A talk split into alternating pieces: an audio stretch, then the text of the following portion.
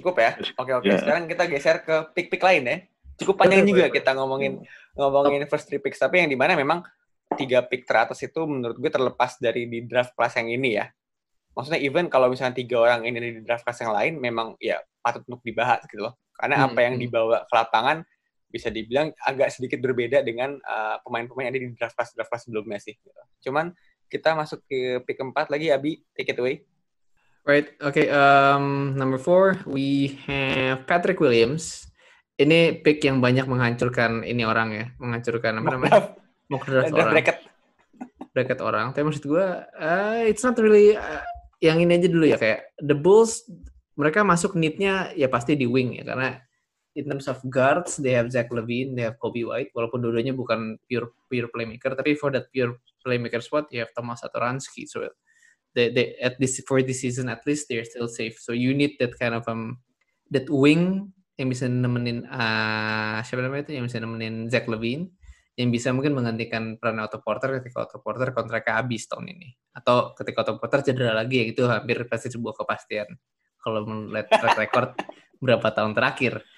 And at that point ya lu di, di, di nomor 4 masih ada tersisa um, Isaac Okoro, masih ada Devin Vassell, masih ada Danny Advia, even masih banyak lagi dari posisi-posisi lain. And then you picked Patrick Williams, sebuah pemain yang bahkan tahun lalu dia pemain freshman. Sebuah pemain yang tahun lalu dia nggak hmm. starting five di di, di college-nya di Florida State. Average around 9 points, but I think yang mungkin dilihat oleh uh, AK ya, Artras Kartisovas, um, adalah potensi defense-nya tinggi banget. So this guy is a defensive freak. If you remember John Jonathan Isaac coming out of Florida State, ini mungkin bisa jadi Jonathan Isaac 2.0, tapi ini justru lebih lebih polish dari segi offensive side. Jadi lu bisa nge, nge, ngebeli defensive potential Jonathan Isaac, but with kind of the um, the offensive potential, let's say mungkin ya selevel siapa ya, selevel I wouldn't say selevel ini, selevel Kyle Anderson lah maybe at this point ya. Tapi maksud gue ya getting the get uh, in getting that in a package of a six eight forward, maybe that's where where where AK ngelihat apa GM-nya Bulls ngeliat bahwa ini ya ini potensi tinggi banget gitu lah. But again, it's it's it's a high, very very high risk high reward. So I wouldn't I don't know man. It's it's still something yang benar kayak gue masih try to that round. But kalau emang dia ini berhasil ya, wah this is gonna be a really, really good complementary pick kalau mereka emang decide untuk keep Levine dan kawan-kawan. Karena ya dia benar-benar kalau yang sekarang Bulls defense udah bagus loh secara timnya. Tim defense udah bagus. Tapi kadang-kadang at that forward position you don't have that kayak ya the tipe-tipe Paul Millsap-nya gitu lah yang kayak benar-benar I will do the dirty plays, I will kind of switch switchability one to five and all that stuff, and this guy provides it.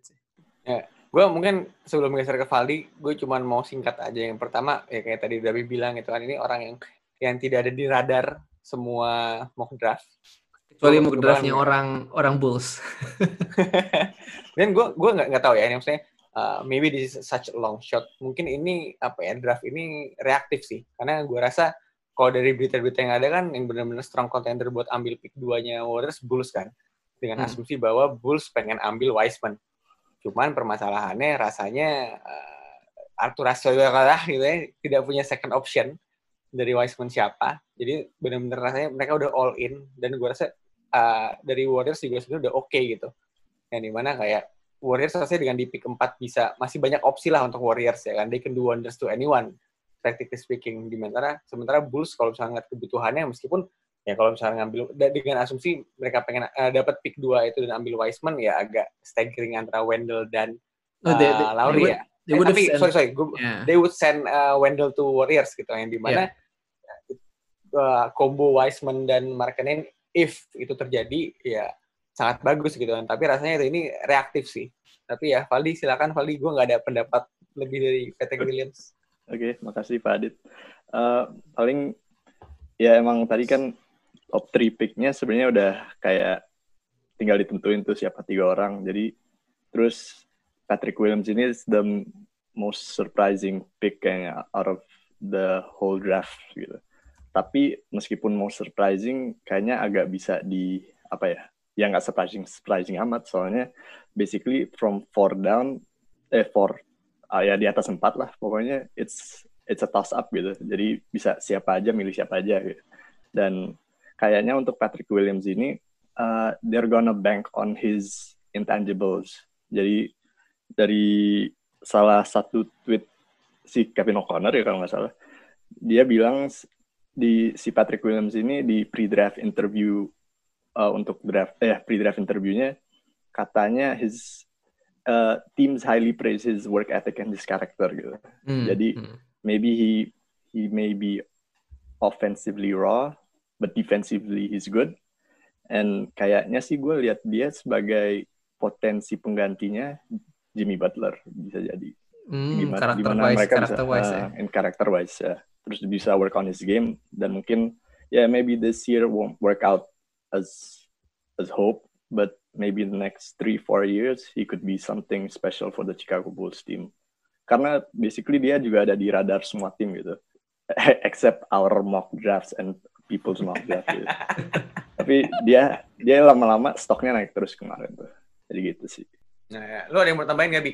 Nope, nope, we're good. We can move on. Oke, okay, move on ya. Pick 5, Isaac Okoro. Take it away. Uh, I don't really like this pick though. Karena maksud gue kayak Oke, okay, so the Chaos pick Isaac Okoro kan. Setelah dua tahun mereka ngambil poin guard berturut-turut. Uh, Colin Sexton dan Darius Garland. Mereka akhirnya sadar bahwa oh kita nggak bisa ya milih milih point guard terus dan gagal terus gitu. Oke kita pilih kita akan pilih wing tahun ini dan kita akan gagal dengan milih wing. But, jokes aside, I mean Isaac Okoro, people say he's one of, he's one of the best defend on ball defender ya. Walaupun it doesn't really translate to the stats, but he does things yang kayak nggak ada di di stat sheet. So if you can see kind of a bit of Marcus Smart mold and Isaac Okoro, that's kayak ya udah itu udah hustler on ball defender yang you will you, he makes winning plays lah. Dan secara strength uh, dia kuat banget dan dia I mean he's six six but I think his standing reach kind of equals to eight foot five which means that his wingspan is very long kan. Physically gifted bisa megang bola. If you if you if you wanna know kind of the NBA comparison, maybe Justice Winslow tuh pas baru masuk. Karena as hmm. good as he is defensively and kind of distributing the ball, he cannot shoot for his life. So he's 28% from the three point uh, from the three point line. And juga kalau lihat dari dari free throw-nya dia jelek juga gitu. Cuman 67% for a shooting guard, 67%. I don't think that, that will cut it sih. So I think yeah, it's it's it's some it's it's a questionable pick but ya itulah di tim yang butuh karakter walaupun udah lumayan banyak kayak karakter-karakter uniknya. Tapi ya yeah, I don't see kayak Cleveland making apa ya, in this roster I don't see Okoro making a difference. Tapi kalau misalnya mereka decide untuk rebuild dan move some pieces, if you can surround shooters around him sama cutters, it would be magical sih. He would be super super awesome. Tapi kalau lu di roster kayak Cavs sekarang yang lu isinya Andre Drummond, Garland, Sexton, jadi Osman, ya prepare for a for a shit show aja tahun depan. Ya, gue sebenarnya apa ya uh, soal Okoro ini, ya, akhirnya gue mau nggak mau jadi baca-baca dikit ya. Gue lupa baca dari mana, itu Twitter atau komen Instagram yang pasti bukan artikel uh, bahwa uh, ambil Okoro ini in terms of talent kan bisa dibilang ya dia rounded number of picks ya ya, untuk uh, apa namanya average draft picks-nya lah gitu bahasanya kan. Cuman yang banyak yang bukan banyak yang dari yang gue baca adalah uh, the biggest dig adalah lo butuh offense tapi lo ambil pemain yang ofensif biasa aja. Hmm. Jadi di mana kayak untuk untuk lo mengambil Okoro meaning lo harus take the effort untuk polish his offensive games. Yang di mana sementara at the moment ya lo masih punya Colin Sexton, masih punya Darius Garland yang di mana offensive lo aja itu masih sangat jelek gitu. Tapi lo bisa dibilang punya isu di situ dan lo mengambil pemain yang tidak menyelesaikan isu itu gitu. Jadi yang sempat gue baca itu sih. Lo gimana Val? Defensive ratingnya si Cleveland nih gimana sih pertama? Hmm, buruk. buruk ya. buruk lo nggak nggak perlu nyontek udah tahu udah pasti jelek. Oh gitu. Okay. Nih nih defensive ratingnya 111,6 so 20 uh, ke 20 di liga, ke 20 di liga. 20 di liga. Oke, okay, hmm. jadi kayaknya mau offense-nya jelek atau defense-nya jelek yang mereka harus milih pemain gitu ya. Terus kebetulan oh ada ada lumayan nih ada wing ada Isaac Okoro aja ya udah gitu. Tapi kayaknya gue lihat juga untuk wingnya ya cuman CD Osman aja ya. Karena kayaknya gue nggak lihat apa ya, pemain-pemain lain Dante Exum, Kevin Porter Jr. I don't think Udah lagi di Ya, penjara itu, Pak. Kevin Iya, Porter jadi- sini. jadi emang butuh wing untuk mengisi tempat itu gitu dan mungkin menanggapi katanya kata-katanya Adit ya mereka nggak nggak fokus offense tapi ya defense wins games kan. Jadi mungkin mereka harus benerin defense-nya dulu biar offense-nya jalan gitu. Jalanin apa transition offense mungkin gaya mainnya. Ya kayaknya dari gue itu sih. Hopefully lah, hopefully. Tapi mas gue, yang gue takutin adalah dengan adanya Sexton juga ya. I mean, Okoro basketball, basketball IQ-nya is higher than Sexton sih. I think that can guarantee that. Cuman takutin lah itu, wah, the fit dan kawan-kawan.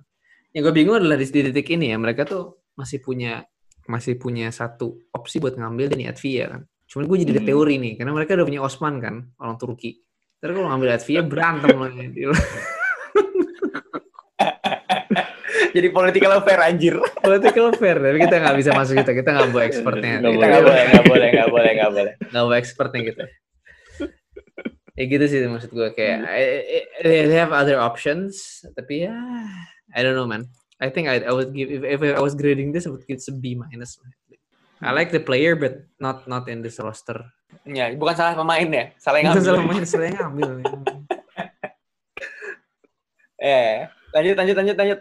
Oke, number six, um, the Hawks udah banyak banget rumor bahwa mereka mau nge-trade pick ini ke luar dan eh, ke tim lain untuk superstar dan kawan-kawan, but then they they decided to keep uh, the pick dan memilih Onyeka Okongwu out of Southern California. 6'9 is I think really apa? he- He's he's he's unique lah. Maksud gue kayak dia big man yang motornya tinggi, which means dia semangatnya tinggi, tapi um, one of his limitations adalah he's not a really good rebounder gitu lah. So ya motornya kadang-kadang kebanyakan tuh ada di defense, which he I think Hmm. average above Oh, one oke, steal sama tiga block per game, Ha- hampir tiga block per game. And I think that's that's something karena dia main di Pac-12 kan, which is not the easiest conference in collegiate basketball, but it's saying something gitu. Yang menarik adalah ketika eh, dari segi Hawks-nya ya, mereka udah punya Capella sama John Collins dan Dwayne Dedman pas draft, pas draft day walaupun sekarang Dedman di trade ke Pistons. But now they still elect to uh, they still selected Onyeka Okongwu gitu ya. Mungkin nanti rotasi akan akan tiga itu Collins, um, Capella sama Okongwu. Cuman maksud gue for the future I think Okongwu is gonna be better than Capella. Karena Capella one of the reasons why Rockets moved on from Capella adalah free throw shootingnya Nuzul Mendalik kan Capella.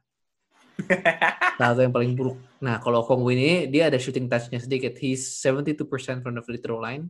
Dan menurut gue, I think that's at this day and age dengan coaching uh, advancement yang sekarang, I think that's um, bisa di-develop untuk menjadi sebuah three point shot lah untuk Okongwu. Jadi basically kalau dia jadi nih ya dari segi offense motornya ada, defense tetap ada.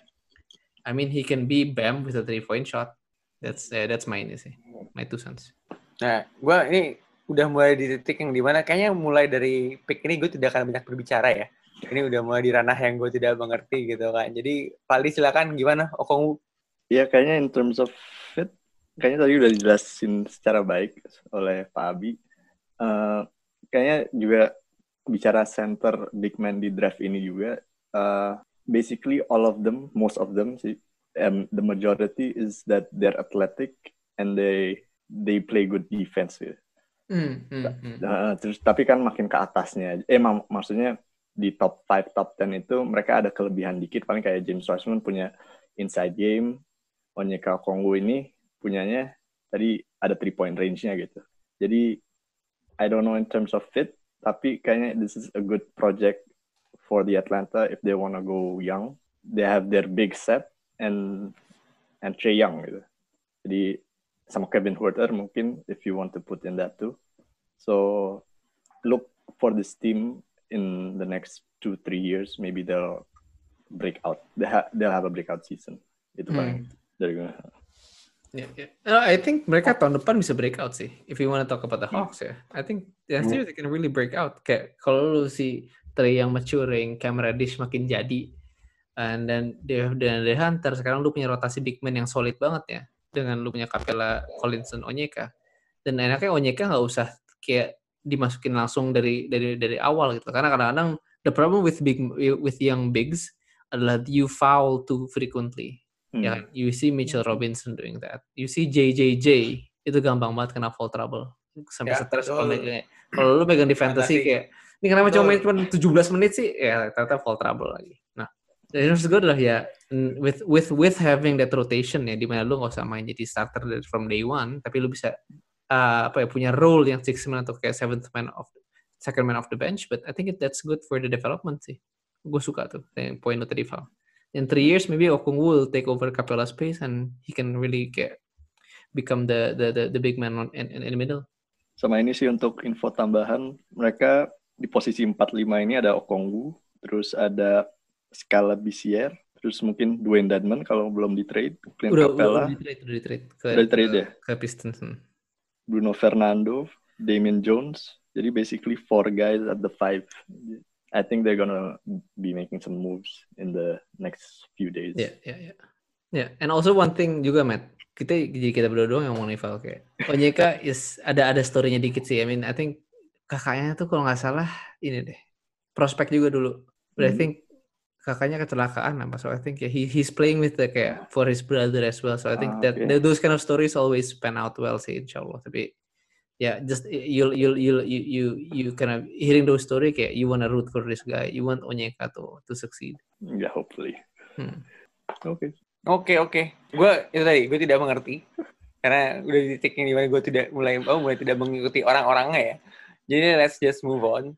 Pick 7 ini pick favoritnya uh, Kevin O'Connor, Killian Hayes. Ya, and what's about Killian Hayes? Big. Ganteng sih anak ini satu. Keren coy dia. Kalau lihat di draft picture kayak produser, ada yang ngomong kayak produser musik. I think he's right, but I think Killian Hayes comes from France, so I think fashion is gonna be always in his blood sih. Jadi nggak kaget kalau misalnya nanti di Bleacher Report all rookie drip team ada Killian Hayes. Gue nggak kaget. That's that's number one. But in terms of basketball reasons, he's a left-handed um, point guard. I think and coming from out uh, out of ini ya, uh, out of the US, dia main di di di Jerman.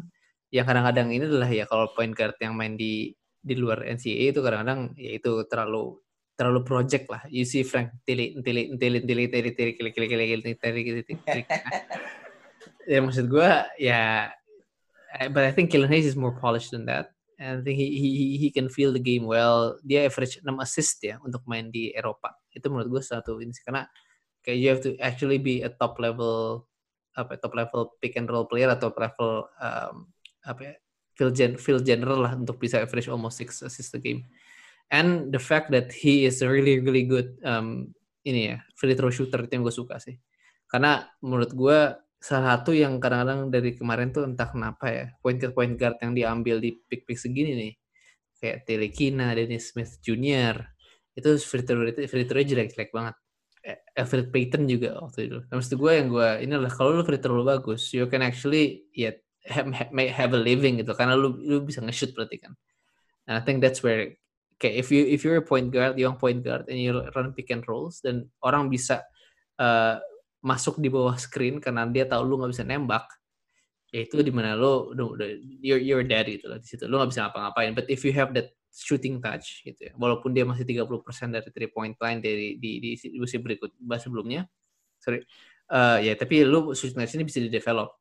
Yang menurut gue itu adalah sebuah kunci buat Killian Hayes bisa develop bisa maju nanti menjadi the next eh, apa namanya the next eh, lead guard di Detroit. Ya ya ya ya. Gimana Val? Um, ini salah satu pick yang gue kira akan jatuh di angka belasan sih sebenarnya. Karena uh, plusnya sih dia ini kalau kata kuncinya sih slick sama shifty.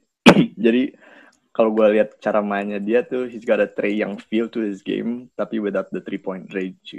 Jadi dia sangat bisa gocek-gocek sana sini terus either apa I think he could he, he could shoot the mid range game. Oh, I think he likes the floater too, and he's a willing passer. Jadi in terms of playmaking skills, uh, that's a check. Tapi uh, he's got a, such a small frame dan ya mungkin dari statistik yang three pointnya itu maybe he could be polished, tapi it doesn't seem to look good for now gitu. And that may be a point of attack on the opposition team. If uh, they're playing pick and rolls, then the opposition team is going to go under just like Abi said gitu. Hmm, hmm. Tapi uh, yang yang gua uh, apa jadi point of concern juga sih sebenarnya kan dia masuk Pistons terus kayaknya akan rebutan posisi sama Derrick Rose dan itu agak tricky juga sih gimana manajemen atau coaching staffnya akan kayaknya sih akan memprioritaskan untuk goyang gitu. Cuman ya we'll see lah gimana untuk ke depannya. goyang- Apakah goy- dari Rose gini? Goyang ke mana nih bos? Go goyang. goyang. ya intinya begitu. Ya, Ya, ya, ya. apa either they want to go uh, Hayes oriented or Derrick Rose. Ya ya ya. No, I, Nah, ini bisa sih. ah, sok man, sok man. ini sok. gue bisa nimpalin dikit nih karena soal Kylian Hayes ini sendiri yang cukup menarik kan karena ya basically he's na- uh, Kevin O'Connor's number one pick for for no obvious reasons ya. Akhirnya eh, I had to do my own digging a little bit. Karena kan versi ekstrimnya adalah ini titisan James Harden ya. Maksudnya ceilingnya dia di situ kan. Karena Hmm, hmm, di, hmm. di obvious comparisons karena Kylian sendiri lefty ya. Cuman Oh, oke. gue agak-agak pengen mencoba resonate apa yang tadi Vali so, uh, sampai sampaikan gitu kan lebih ke di mana bahwa Troy Weaver ini gue akan nyentuh ke Troy Weaver dikit ya Troy Weaver kan emang udah jelas dari pergerakan-pergerakan yang ada ya he wants to rebuild dan jelas gitu kan di mana uh, basically speaking gue malah sepertinya akan melihat dari Cross ini ya nggak nyampe nggak nyampe akhir musim lah di Pistons. He will want to go somewhere uh, as a, uh, in a contending team. Dan ya sangat wajar lah dari Cross dia pengen pasti pengen cari he wants that ring lah. Apalagi yang dicari gitu yang di mana menurut gue pribadi ya nanti untuk Hayes sendiri uh, apa namanya uh, the chances tuh bakal lebih gede gitu loh. Yang di mana as expected from a rebuilding team ya they will give the chance to their young core gitu loh jadi ya Ya, ya. exciting times ahead buat buat Pistons fan ya karena terlepas dari mereka masih akan jelek untuk beberapa musim ke depan at least dibandingin dibandingin masa-masa tidak jelas Anda selama lima tahun terakhir ya ini adalah momen di mana Pistons sudah mulai ada arah gitu loh jadi shout out to Troy Weaver gitu Ya, eh wait, Matt, sebelum kita puji-puji ya, gue juga sebenarnya ada pertanyaan sih kayak Ah. at this point, Tyrese Halliburton was still on the board. Mhm. Dan I mean mungkin ya, mungkin dia, I think Troy Weaver is trying to ini sih kayak ya gue go big or go home lah with his picks and his moves. Karena if he wanted to play safe, there Tyrese I think has a has a low has a higher floor. Ya, Hmm. worst case-nya lebih bagus Halliburton gitu dibanding worst case-nya Hmm. Killian Hayes. Tapi Nah. ya best case-nya Killian Hayes ya tadi gue bilang maybe he develops muscle and become and kayak dia jadi makin kuat tumbuh jenggot jadi James Harden 2.0 tapi maksud gue I think at this point that, that might be a question juga sih yang bisa menurunkan kind of this the, the grade of, the grade Iya, of the draft. Pick oke tapi kalau menurut gue pribadi ya nggak nggak nggak like for like sih gitu. Karena seperti yang kita tahu dan ya so, Halliburton nih karena namanya enticing dan dia adalah uh, oversized point guard ya gue jadi agak nyentuh ke sana dikit ya maksudnya gue jadi sedikit mencari tahu plus minusnya apa gitu kan ya. Kalau dibandingin uh, in terms of Pistons ya untuk upside-nya sendiri ya mungkin kayak yang tadi Abi bilang sih floor-nya memang tinggian uh, Halliburton. Tapi in terms of apa ya menurut gue pribadi dengan dengan apa yang NBA arahnya sekarang kayak gimana yang di mana shooting is a necessity ya untuk develop itu menurut gue jalannya akan jauh lebih panjang kalau misalkan lo ambil Halliburton bandingin Killian Hayes tapi ya itu sih benar maksudnya Halliburton emang rada aneh sih ini shooting formnya but in terms of kayak gue ini kan ada pepatah kayak ya lu nge-shoot saya enak-enaknya lu aja yang penting masuk Sean Marion. ya. Shout out Sean Marion. Iya, Sean Marion kayak gitu he made a career, but I think in terms of kayak three point shooting at this point emang lebih ini sih. Ya lebih lebih lebih prolif lebih prolific si si Tyrese. Maksud gue yang tadi bilang juga, I mean kayak Killian Hayes fundamental mechanics-nya lebih bagus. Itu yang itu yang. Ya. Oke, ya bisa geser kali ya geser geser nih ke, ke, ke, ke tim favorit tiap orang nih tiap kali di draft. yoi Ada aja kelakuan. Tapi mereka tahun ini hoki banget lah. Dulu waktu draftnya Stephen Curry, mereka nungguin Curry jatuh ke nomor 8, eh ke nomor 7 atau 8 lupa gue. And then satu pick di depan dia Golden State ngambil. ya ambil Karena katanya mereka yang ngincer Obi Toppin. They were always they were they almost trade up to to get him gitu. Tapi ternyata Hmm. ujung-ujungnya eh jatah juga nih. Ada, ada yang kayak ngomong Obi, Obi slipin, Obi dropin, lucu banget. Hobi dropin. Tapi maksud gue, I, I think he fits the bill kayak, eh sorry, I mean dia akhirnya hoki gitu, dapatnya si Knicks dapat dapat dapat dapat Obi topping. Ya, ini he's a kayak apa ya? He's he's a high flyer and offensively good. Tapi again, the minus with this guy adalah ya his defense kan. He's not really the best on ball defender gitu. And in this day and age, lo main di empat, lo harus bisa nge-switch at least in every defensive position sekali dua kali gitu. Kayak if you run off ball screen atau lo jadi yang ngejaga yang orang ngasih pick, ya lo harus bisa ngikutin kan. Nah, itu menurut gue yang bisa jadi the biggest downfall of Obi Toppin adalah defensively, he's not that good. Tapi ya again, kalau dia bisa compensate his lacking in defense uh, dengan offense yang offense translate ke NBA ya, he's gonna be a, weapon sih. Karena it's it's been a while since since New York has an efficient scorer. Terakhir Carmelo. so yeah, I think yeah, New York New York might might might win big with this draft. Nah, ini sebelum uh, ke Valdi, gue nyempil dikit aja ya.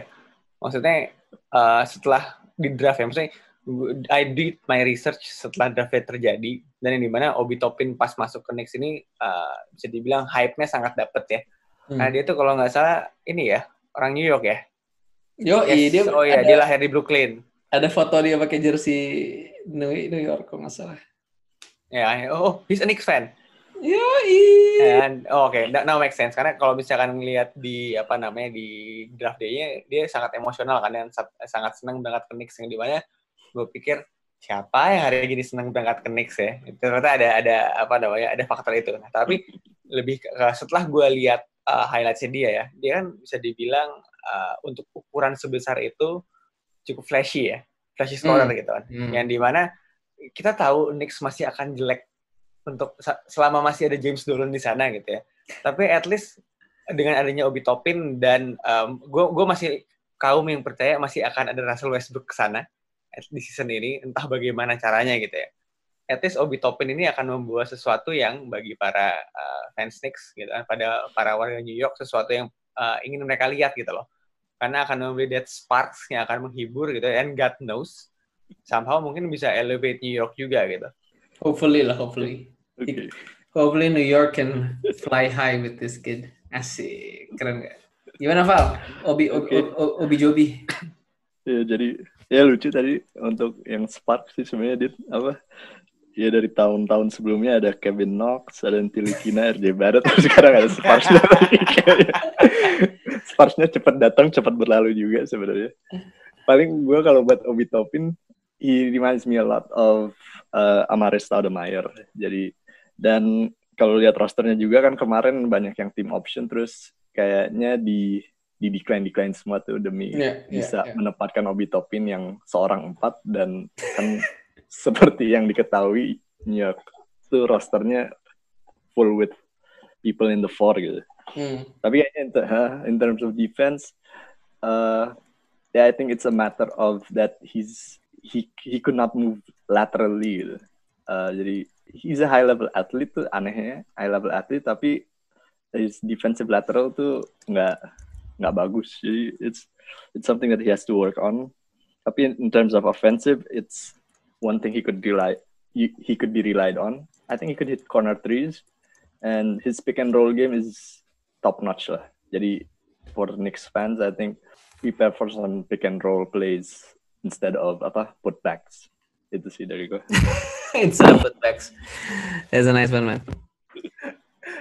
Jadi kalau misalkan buat yang nggak dapet referensinya adalah, eh, jadi di off-season preview, kita membedah kalau misalkan offense Knicks ini yang paling bagus di putbacks ya, gitu kan. Yang di mana it takes a lot of effort, meaning lo harus shoot sebanyak mungkin untuk tidak masuk dan harus rebound sebanyak mungkin untuk mengambil that putback points gitu loh. Jadi harapannya adalah eh, ada topin dan gue, gue masih masih di apa namanya dengan dengan eh, decline tim optionnya Bobby Portis dengan uh, wave Touch Gibson dengan wave Alfred Payton meaning uh, Dolan trying to free up some cap, space.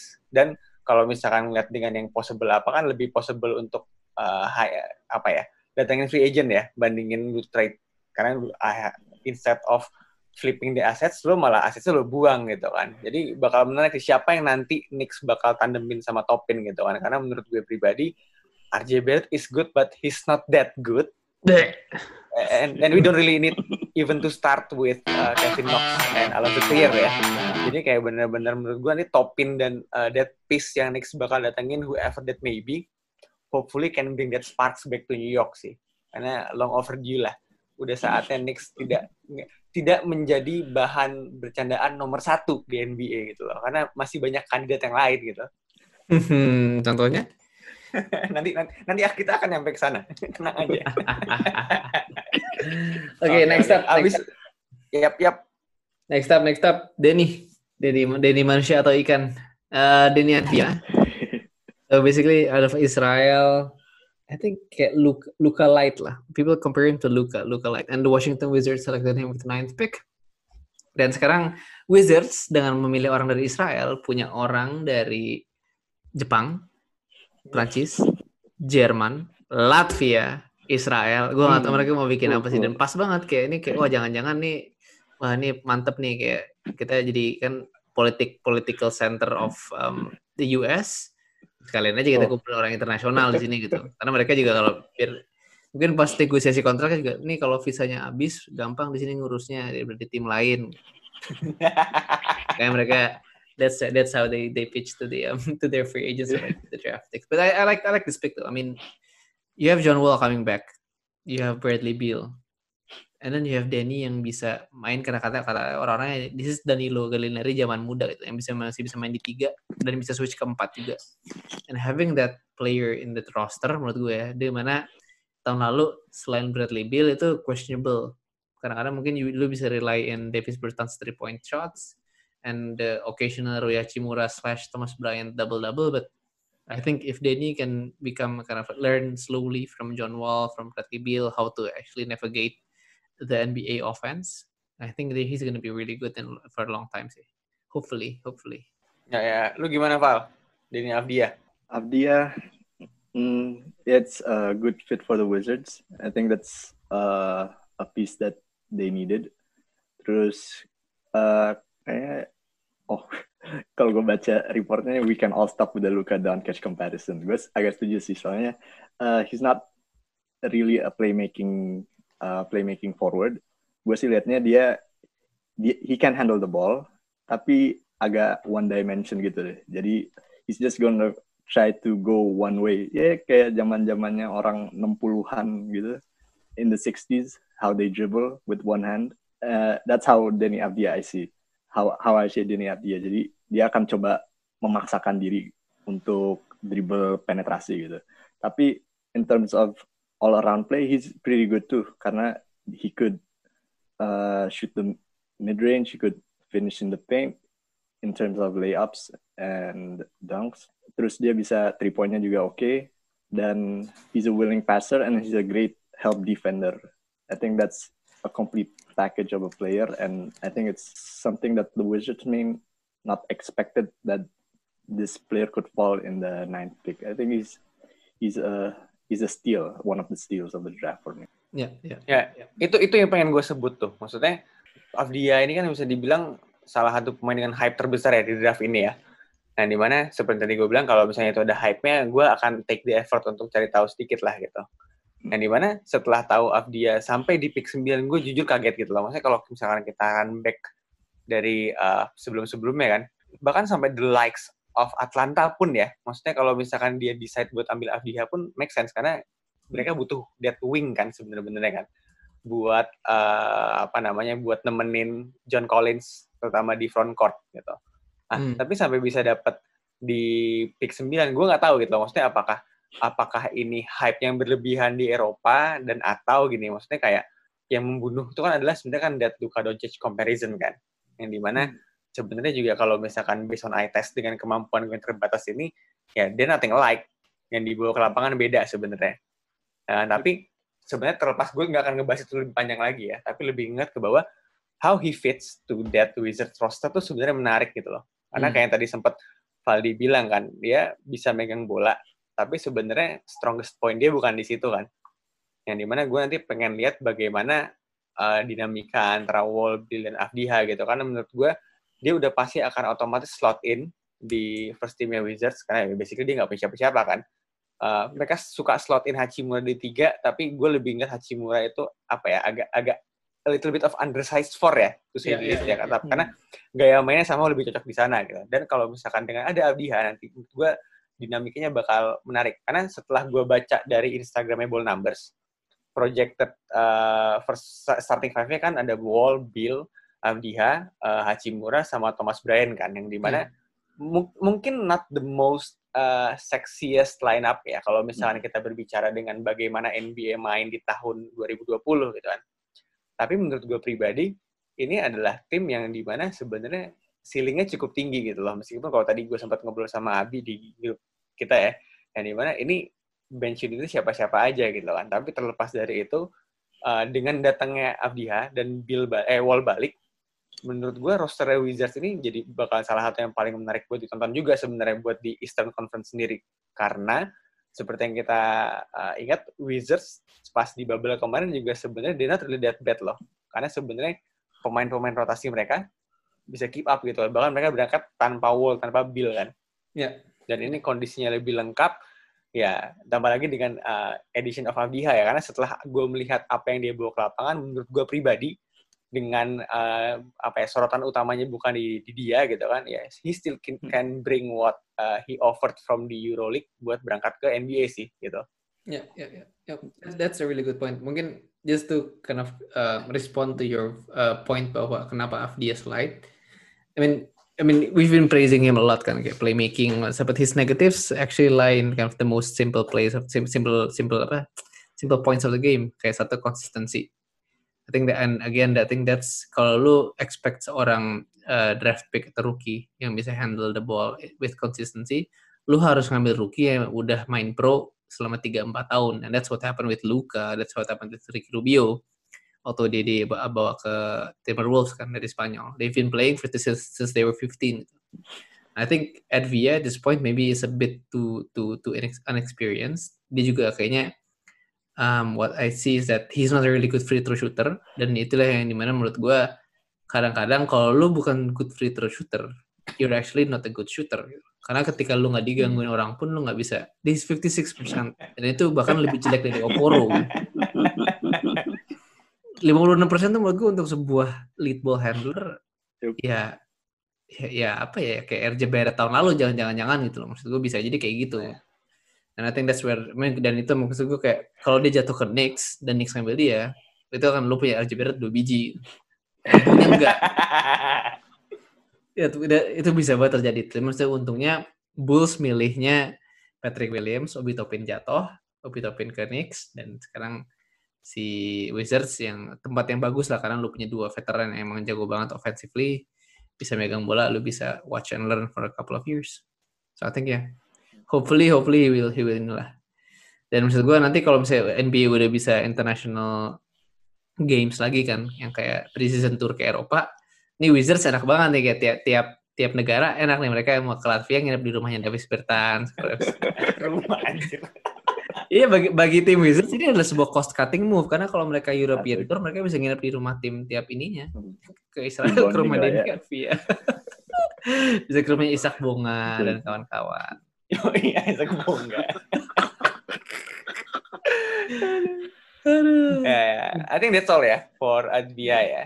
Hmm. kita geser ke pick dari tim favorit saya. Gue mulai, mulai sekarang gue akan mendeklar gue sebagai fans Phoenix Suns ya. Sejak sejak At least 10 for- hari yang lalu. at least for the time being. Sejak 10 hari yang lalu.